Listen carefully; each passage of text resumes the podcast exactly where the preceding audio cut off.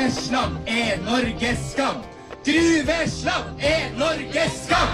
Protestene var høylytte da regjeringen i februar i år ga gruveselskapet Nussir driftskonsesjon for å utvinne kopper i Kvalsund i Finnmark. Men utvinningen har også mange tilhengere. For med utvinning av mineraler så følger det arbeidsplasser. Og med arbeidsplasser så følger det sårt tiltrengte skatteinntekter til kommunene. Og så blir spørsmålet som alltid hvor mye av naturressursene skal vi hente ut?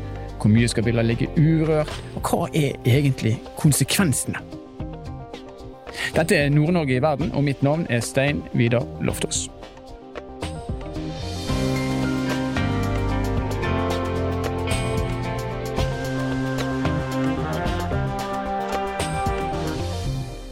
Vi skal snakke med en forsker som har sett nøye på dette temaet, Guttorm Christensen. Vi skal også snakke med daglig leder for gruveselskapet Nussir, Øystein Rushfeldt, og vi skal snakke med Silje Karine Mautka fra Sametinget. Og Guttorm, du jobber i Akvaplan Niva, og du er spesialist på miljøkonsekvenser av etablering av deponier for gruveavgang i sjø. En grusom lang setning, men du på menneskespråk så har du sett på konsekvensene når man velger å deponere gruve, gruveavfall i sjø. Og du var også ansvarlig for den kunnskapsutredningen som faktisk lå til grunn for at Nussir fikk denne konsesjonen. Nå hørte vi protestropene. Gruveslam er Norges skam. Hvorfor protesterer folk mot dette?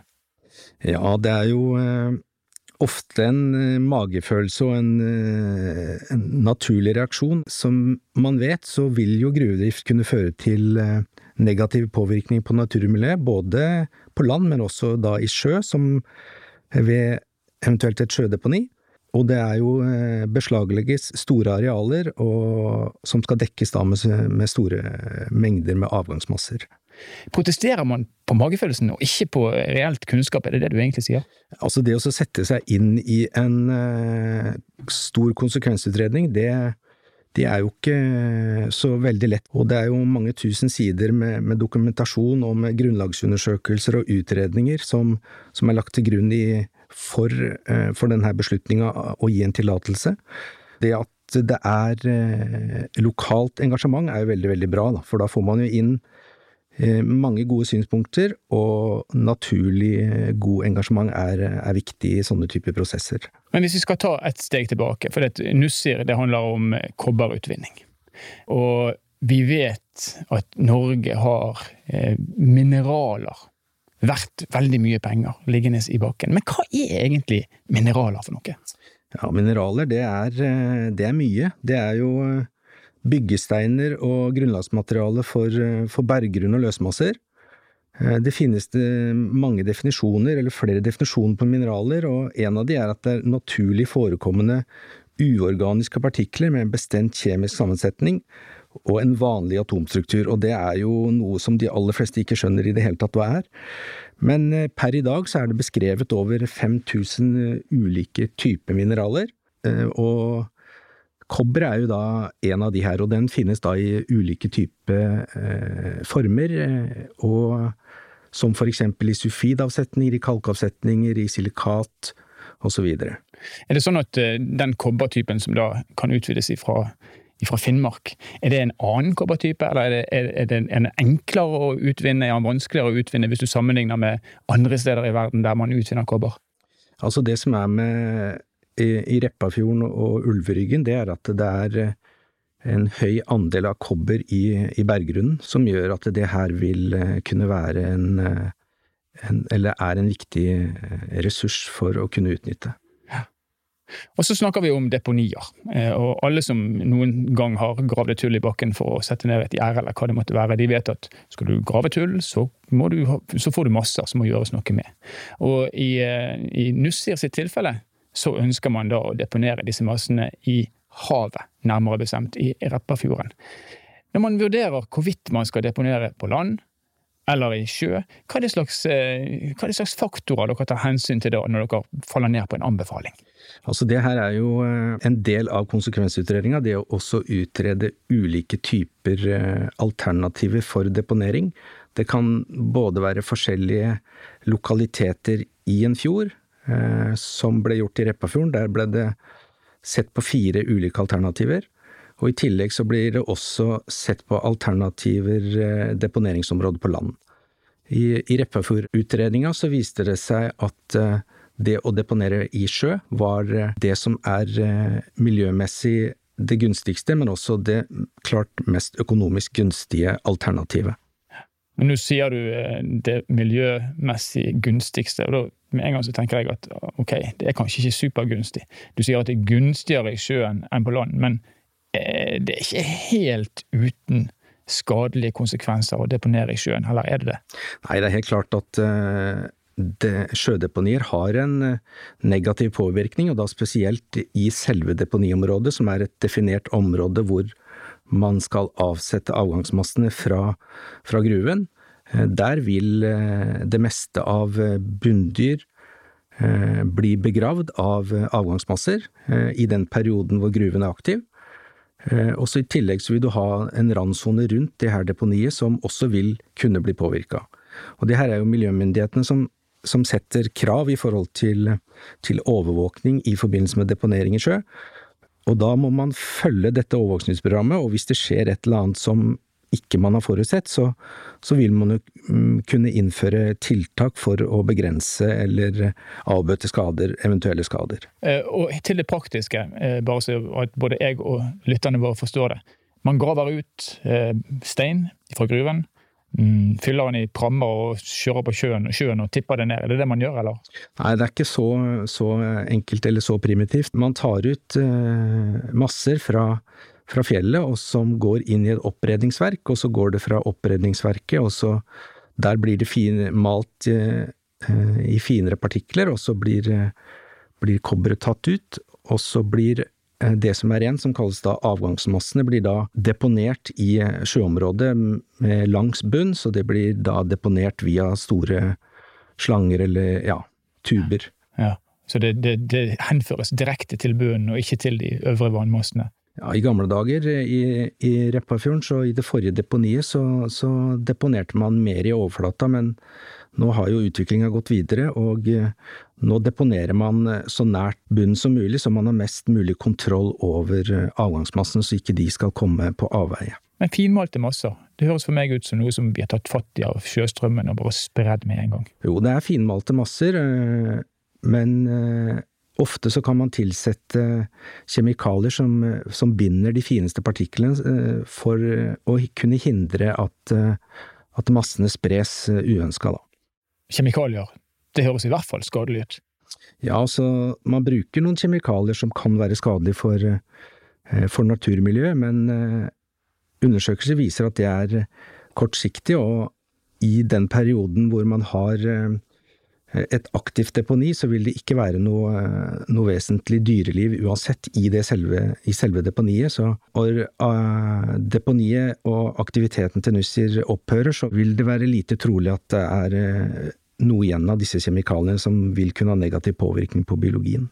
Og det er jo helt vanlig, er ikke det det, å deponere steinmasser i sjø? Jo, det er, eh, det er vanlig, og det er vanlig med deponier både i sjø og på land, og i forbindelse med med tunneldrift og utarbeidelse av tunneler, så skaper det ofte store mengder eh, avgangsmasser eh, som må deponeres, enten i sjø da eller, i, eh, eller på land. Så vi har erfaring med det, og det, er det sånn å forstå at det stort sett så går det fint, eller er, har vi masse dårlige erfaringer med å deponere ting i havet? Man har både gode og dårlige erfaringer med, med deponier i sjø, og, og man lærer jo etter hvert, og det viktige er jo å gjøre en eh, grundig konsekvensutredning, og at miljømyndighetene, som da bestemmer om det skal bli gitt tillatelse til at en slik aktivitet skal forekomme, og så er det da viktig at eh, overvåkningsprogrammene er godt designa, sånn at man kan fange opp eventuelle uheldige episoder eller negative konsekvenser, som man ikke har vært klar over på forhånd. Og du har vært med og gjort en av eh, utallige utredninger i dette tilfellet. Hvis jeg spør deg, eh, med det du allerede nå har sagt om overvåkning og, og målinger osv., er det her et eh, miljømessig dårlig prosjekt, eller? Det er jo negative konsekvenser for deler av Repparfjorden, og da spesielt bunnområdene i i en periode når eh, gruva er aktiv. Eh, undersøkelser og forskning viser at eh, bunnen og bunnforholdene etter at gruveaktiviteten er opphørt, vil komme relativt fort tilbake med, med de stedegne dyra da, som, som, lever på bunn. Tenker du dette er en bærekraftig måte å drive gruvedrift på? Ja, altså Bærekraft er jo eh, et populært eh, begrep som brukes i mange sammenhenger, både for å karakterisere både miljømessige, økonomiske og sosiale sider av, av et prosjekt, men i denne sammenhengen her så vil jo eh, miljømessig bærekraft være eh, at man prøver på best mulig måte å ta ut mineralene eh, for, eh, slik at det blir minst mulig påvirkning på naturmiljøet. Og da vil det jo være det å bruke best mulig teknologi i selve driftsfasen, men også det å kunne eventuelt sette i gang tiltak i ettertid for å for å kunne skynde litt på naturen for at den skal kunne rehabilitere seg så raskt som mulig i ettertid. Og så har vi dette som har med fiske å gjøre. for En av eh, de tyngste bekymringene det er kanskje hvordan dette her vil påvirke fiskelivet i, i fjorden. Repparfjorden er er der Repparfjordselva munner ut, og det er en god lakseelv. Og det har foregått fiske etter spesielt torsk i, i, mange hundre år i det området der. Og torsken vet jo ikke plutselig at det er kommet eh, noen ting i vannet som ikke er helt bra, og laksen må jo passere deponiet. Vil det påvirke fisken på noen måte? Nei, Ifølge de utredningene som er gjort eh, både på, på torsk og på, på laks, så, så vil eh, påvirkninga være minimal. Eh, partiklene vil holde seg i, i, deponiet og ikke spres i de øvre vannlag. I øvre vannlag der svømmer jo laks og anadrom laksefisk, som sjørøy og sjøørret, og de svømmer stort sett de øverste meterne i, i vannmassene. Laksen er jo fort ut av fjorden og fort inn og opp i elva, mens sjøørreten og sjørøya lever jo i hovedsak i Reppafjorden hele livet, eh, bortsett fra når de er oppe i elva for å gyte. Eh, men utredningene viser altså at partiklene ikke skal komme opp i de vannlagene hvor du har aktivitet fra anadrom laksefisk. Akkurat. Når det gjelder torsk, så er jo det det er jo en del gyting, gyteaktivitet i Repparfjorden, og det har alltid vært en sånn en gytefjord for, for torsk. Men det er gjort flere undersøkelser nå de siste åra, og man kan vel konkludere med at tettheten, eller mengden gytefisk i, i Repparfjorden, ikke er spesielt høy. Nå er det jo sånn at partiklene, hvis de oppfører seg sånn som de er ment å gjøre, så vil de da ikke komme i kontakt med, med torskeegga, som da er i vannmassene i, i vårperioden. Takk skal du ha, eh, Guttorm Christensen ifra Akvaplan Niva.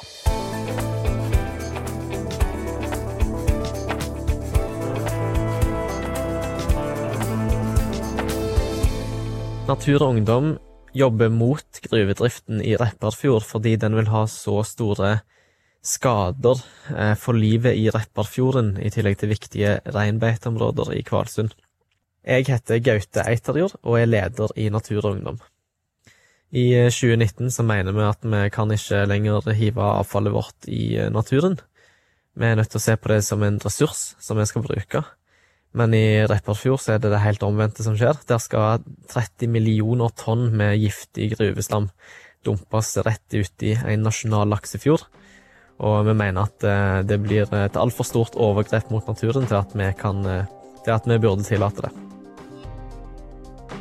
Norges geologiske undersøkelser, NGU, har estimert at verdien av de uutnyttede eh, mineralene som finnes i bakken i Nord-Norge, er så høy som 1500 milliarder kroner. Og en av de som ønsker å begynne utvinning av disse mineralene, er gruveselskapet Nussir. Og vi har med oss daglig leder i Nussir, Øystein Rushfeldt, på telefonen akkurat nå. Og Øystein, hvordan stiller du deg til kritikken som har kommet rundt spesielt deponeringen, altså rundt eh, den konsesjonen som Nussir nå har, har, fått? I et uh, moderne samfunn, i en uh, global, opplyst verden, så vil det alltid være kritikk mot uh, ethvert prosjekt.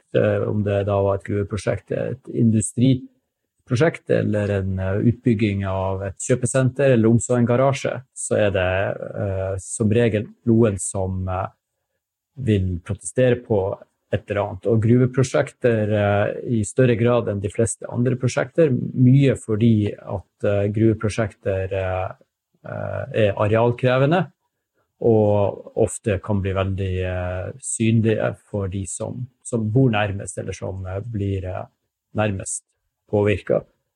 Og så er det jo sånn at det er litt forskjellige typer kritikk. En del av kritikken kan komme fra det som er litt mer sånn profesjonelle, kritiske miljøer. Det kan være miljøorganisasjoner, og i vårt tilfelle i, Nord-Norge typisk at samiske interesser er motstandere av gruveprosjekter.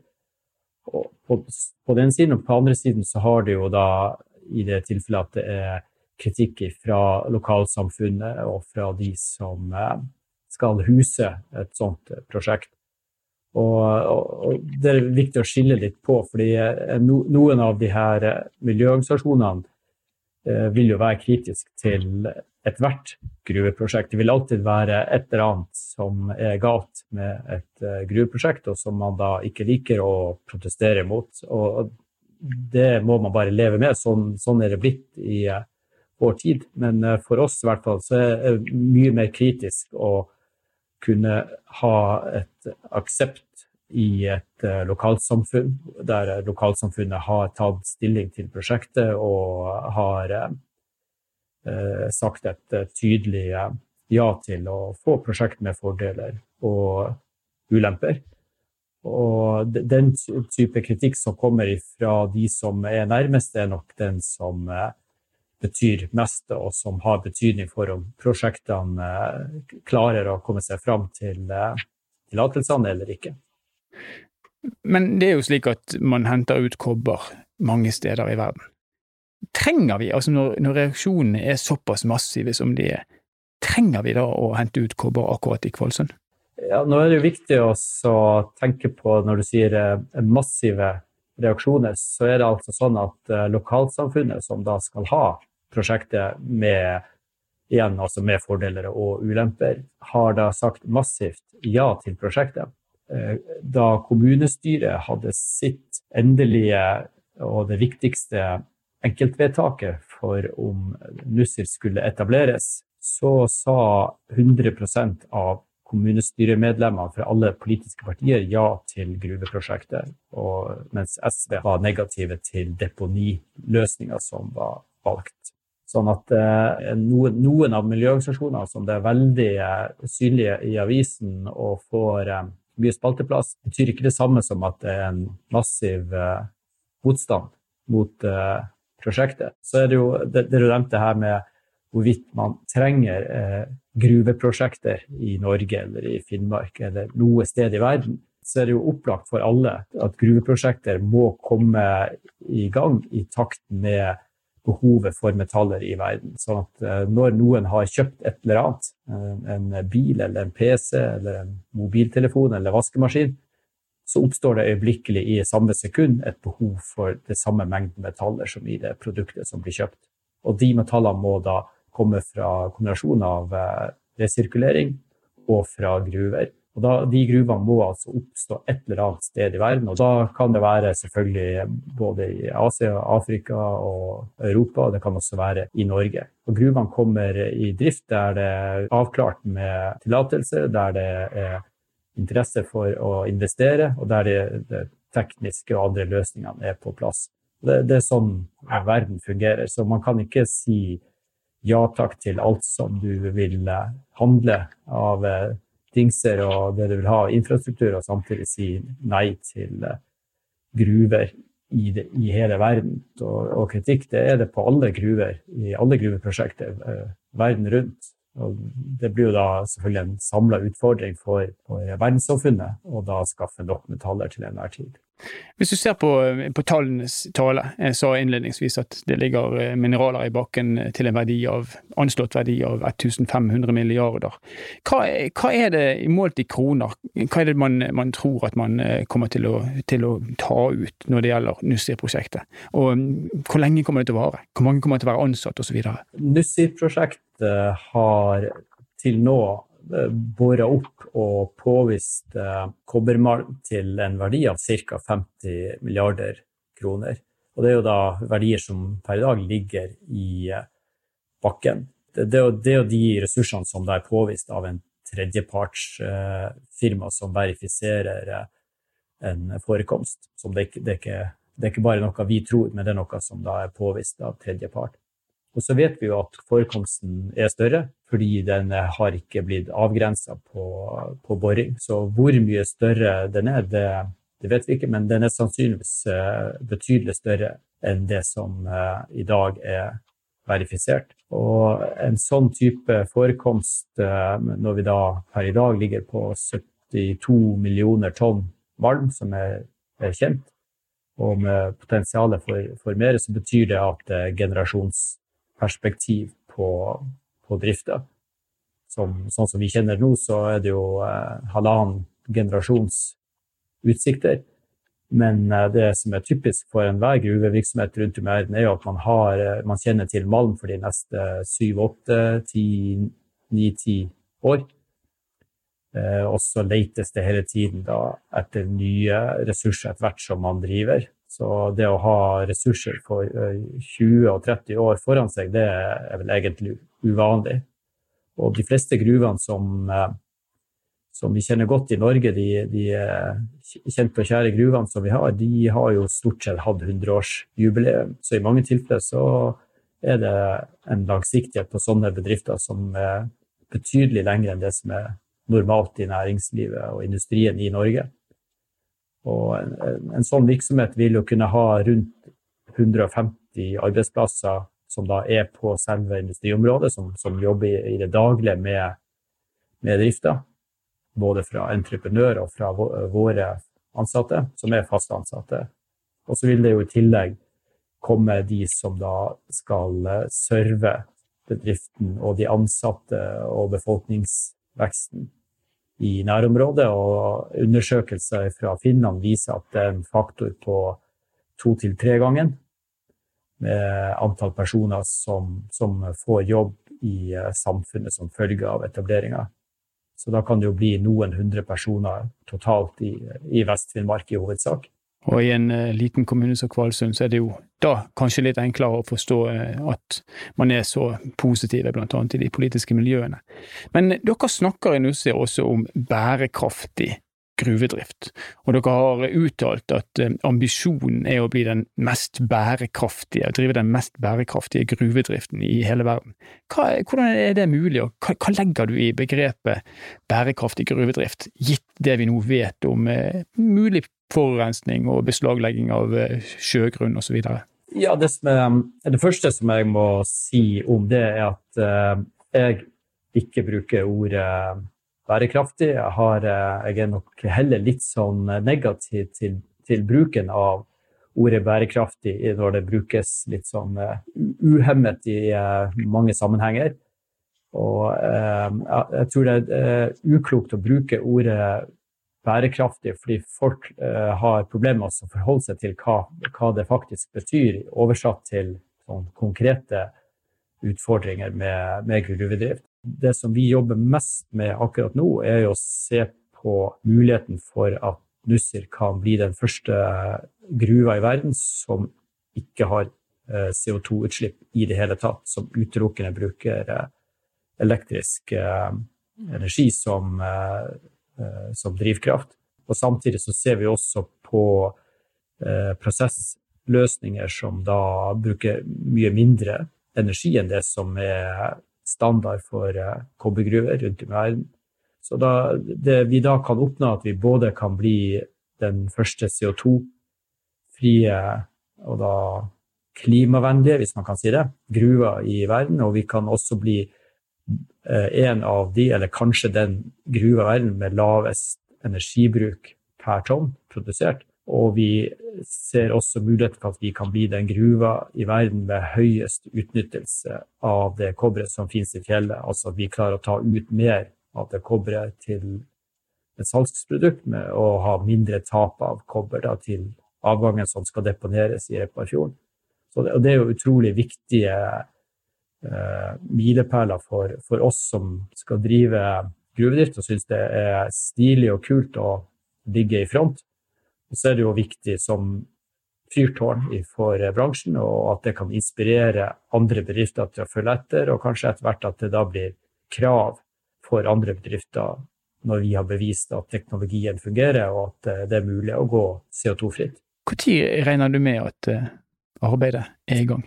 Vi eh, er nå i full sving med siste runder med det som går på det tekniske, med engineering og prosjektering. Vi har et uh, digert uh, leverandørmøte med alle leverandører som har meldt sin interesse for å være med på å gi inn tilbud og få kontrakt hos oss på Skyde den 28.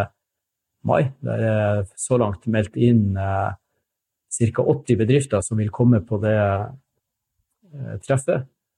Og uh, det, vi ser for oss, er at vi skal da kunne klare å få på plass kapital til oppstart i eh, løpet av året i år, og få på plass forhåpentligvis at Næringsdepartementet blir, kommer ut med en positiv konklusjon på sin klage på konsesjon, og at vi også avslutter de tekniske forberedelsene og diskusjoner med leverandører i år.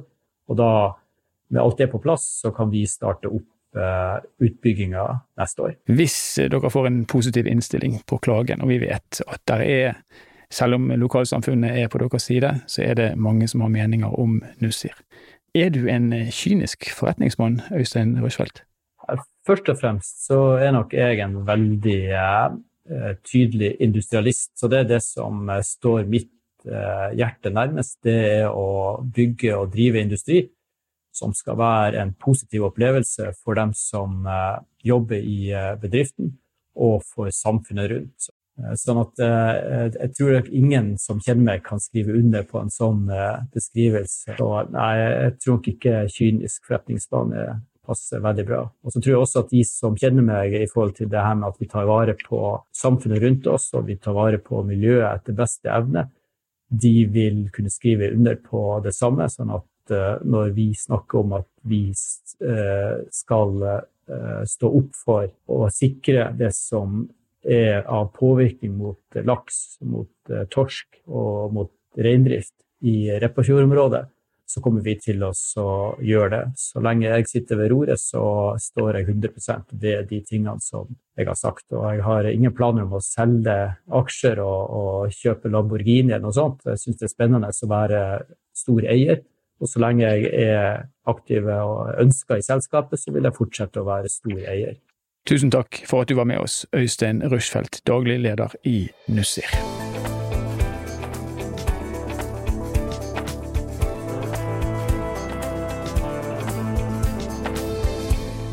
Silje Katrine Moutka er rådsmedlem i Sametinget og har politisk ansvar for næring, mineraler, miljø og klima.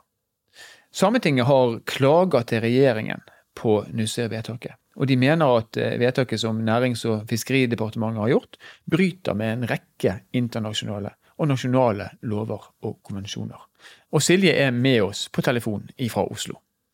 Silje, tusen takk for at eh, du er med oss. Kan du forklare oss litt mer om eh, hva dette her egentlig handler om?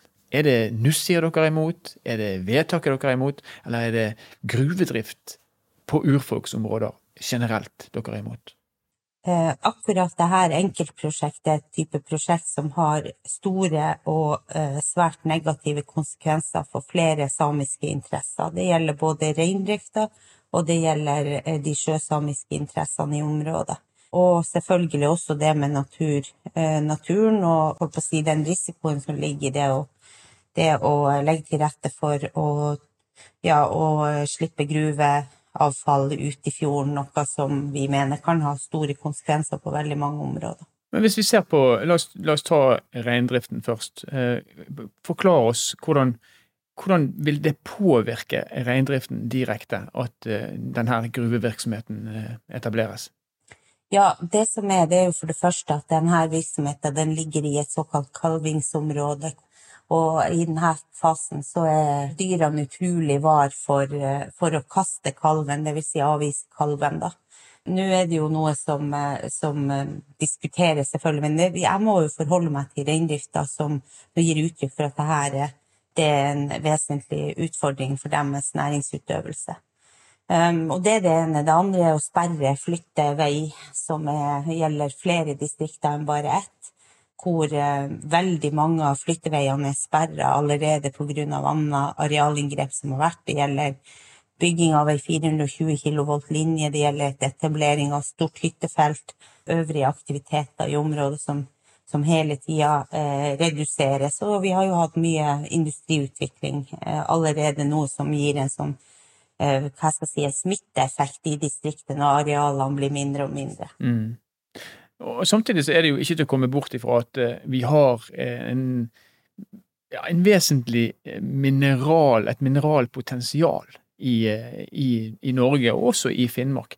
Er det mulig å etablere en strategi for hvordan man kan utvinne mineraler uten at man går på tvers med, med interesser som de du representerer? Eh, altså det er jo en eh, god del mineralaktivitet som allerede skjer i, eh, si, i områder hvor vi har eh, samisk næringsutøvelse i form av reindrift eller eller si annen næringsutøvelse som kan være primærnæring eller, eller annen. Utfordringa vi har i, i, Norge, det er jo det at vi i dag har en minerallov som vi mener ikke holder en folkerettslig standard. Og det betyr at det liksom uavklarte, uavklarte prinsipper som gjelder det her med, med kjøreregler for katt i et, eh, et, inngrep kan være av en sånn karakter at man må uh, rett og slett uh, avvise her prosjektet. Da. Og det handler om veldig mye mer også, selvfølgelig, men det her er blant de hovedutfordringene vi har på feltet. Da. Mm. Eh, og så er det slik at dere, eller du representerer det, det samiske. Og så vet vi at eh, det er mange andre som også har sterke meninger om eh, prosjekter som dette, og da gjerne basert på eh, ja, rene miljøhensyn. Er det mulig, sånn som du ser det, å balansere kunnskap, fakta og følelse i en, i en sånn kontekst som dette? Ja, jeg mener jo det at det er absolutt en eh, viktig sak at vi har stor debatt omkring det her. Og jeg tenker at særlig det, det argumentet om at det her er viktig for, et, uh, for miljøet og for et grønt skifte, det syns jeg er ting vi er nødt til å være veldig bevisst på. da det, det, er jo veldig mange arealkrevende inngrep som nå eh, etableres under den paraplyen at det her er, er, er et miljøtiltak. Mens at eh, for de samiske interessene så, så, vil jo det innebære for mange at man ikke kan fortsette å utøve sin, sin næringsvirksomhet i den form som har vært der, som har liksom gjort, gjort at man har bosatt seg den, i det området i utgangspunktet, og hvor liksom vi har en kulturell eh, Den, den næringsutøvelsen, den støtter språk- og kulturutøvelsen eh, for, for, oss som et urfolk. Da. Mm. Så det her er jo en type diskusjon som er veldig viktig å ta, nemlig hvilke type miljøtiltak skal man gjennomføre, og hvilken effekt er det man kan, være, kan få ut av de, eh, de her type tiltakene. Og så må man være ganske sikker på at den ødeleggelsen det Eh, det medfører at det, at det, er noe man eh, rett og slett Man må være Man kan ikke ha det sånn at det er en evig diskusjon at, at det her er de, de, fotavtrykkene og de konsekvensene de her inngrepene har, at det skal liksom bare være noe som man bagatelliserer eller overser. Mm. Men dere føler at det blir bagatellisert? Jeg vil jo si det sånn at, at, det er jo en levende debatt vi har, men utfordringa er jo at vi ikke har ordentlig, et ordentlig rammeverk. Og da blir jo veldig mye ut av det her. Det blir jo på en måte eh, en diskusjon som er fundert på, på eh, hva jeg skal si eh, Ofte så, så, kan det jo fremstå som veldig følelsesdrevet, da. Eh, men jeg har lyst til å understreke at det er en universal problemstilling som gjelder urfolk over hele verden. Så et argument jeg har hørt som, som provoserer meg veldig, det er jo det at man sier at jo, samene, dere er nødt til å godta liksom, at, at, man må ofre liksom, denne interessen eller de, den, det næringsgrunnlaget deres. Uh, fordi husk på hvordan andre urfolk har det i verden når det er gruvedrift som er der. Da, da kan det jo virke som om, om, at man tror at det blir slutt på gruvedrift i andre deler av verden hvis vi bare ofrer oss sjøl på en måte. Det er jo slett ikke tilfellet. Det som skjer i dag, det er jo det at denne kampen om arealene internasjonalt i urfolksområder, den er tilspissa. Eh, UD uh, innrømmer at de er bekymra for den økende grad av forfølgelse og, ja, rett og slett voldelig forfølgelse av urfolksaktivister og menneskerettsforkjempere verden over. Og, og, i bunnen av det her, det er det bestandig det her spørsmålet om eh, man kan si, eh, bruken av arealer. da. Uh, og det jeg kan si med stor sikkerhet etter å ha vært på FN-møter og internasjonale møter, det er jo det at de overgrepene som skjer mot urfolk i andre deler av verden, de slutter absolutt ikke med at vi taper her uh, i å bli hørt på de grunnleggende rettighetene. Tvert om så understøtter det nemlig det at man kan fortsette å overkjøre urfolk i andre deler av verden, når sjøl vi som lever her med et visst rammeverk, ikke blir hørt når en sak kommer på spissen. Men, men, samtidig så er det jo sånn, eh, hvis jeg skal sette det litt på spissen, at verden trenger mineraler. Og her i Nussir-tilfellet så snakker vi om kobber. Verden trenger mer kobber. Noen sier at vi trenger mer kobber for å kunne bli mer eh, miljøvennlige eller bærekraftsorienterte på sikt.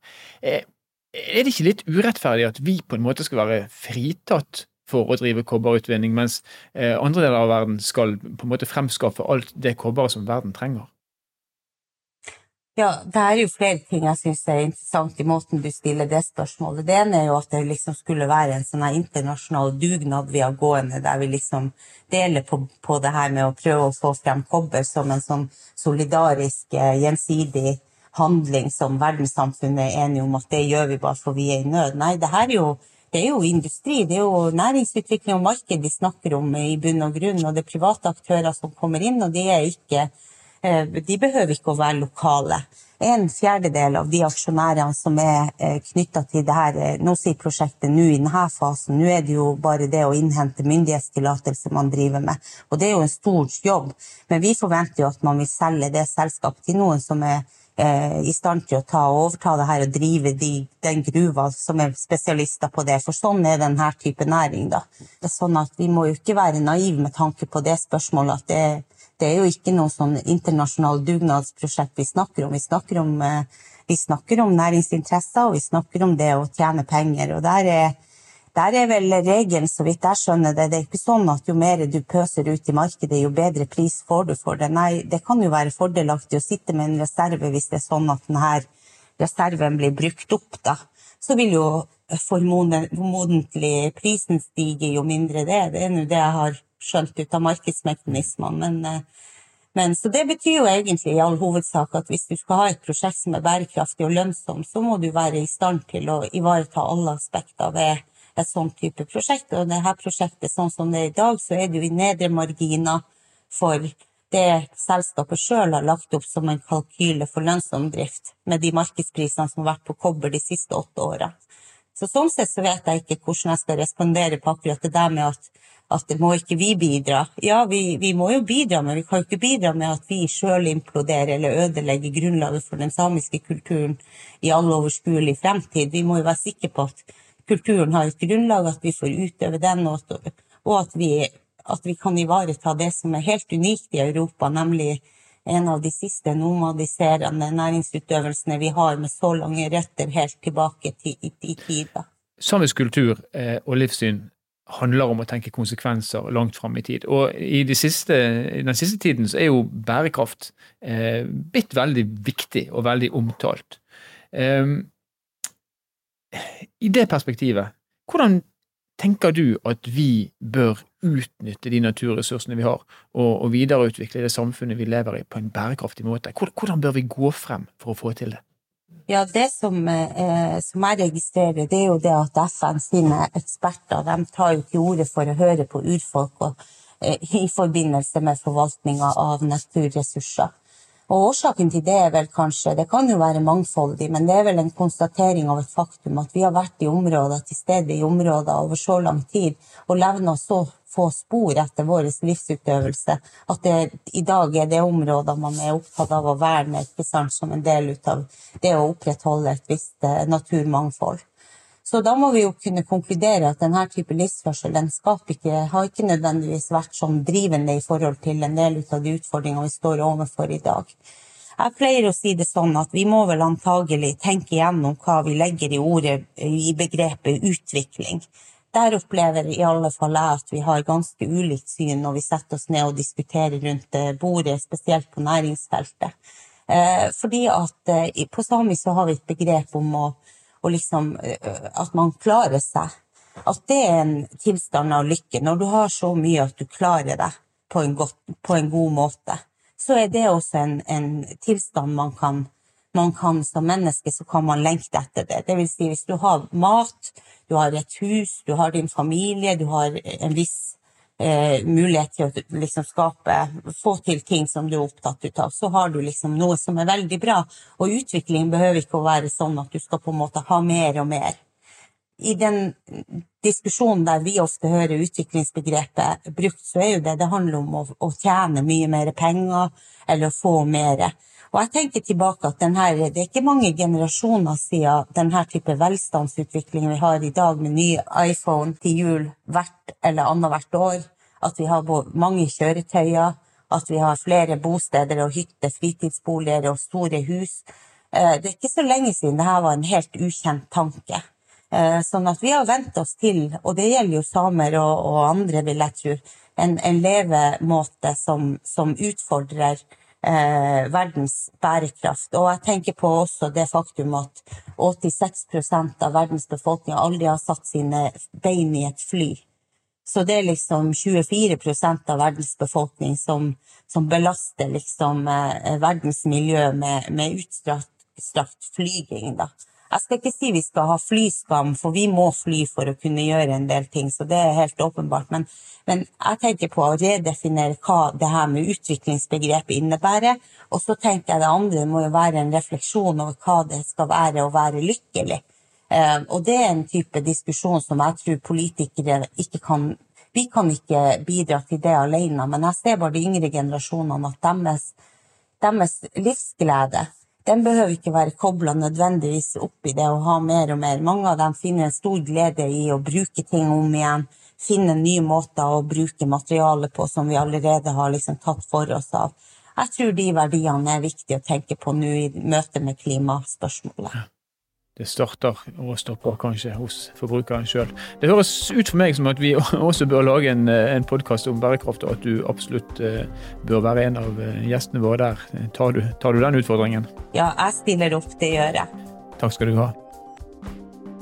Du har hørt på Nord-Norge i verden.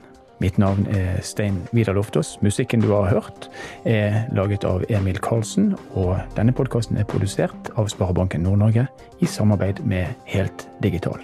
Vi høres i neste episode.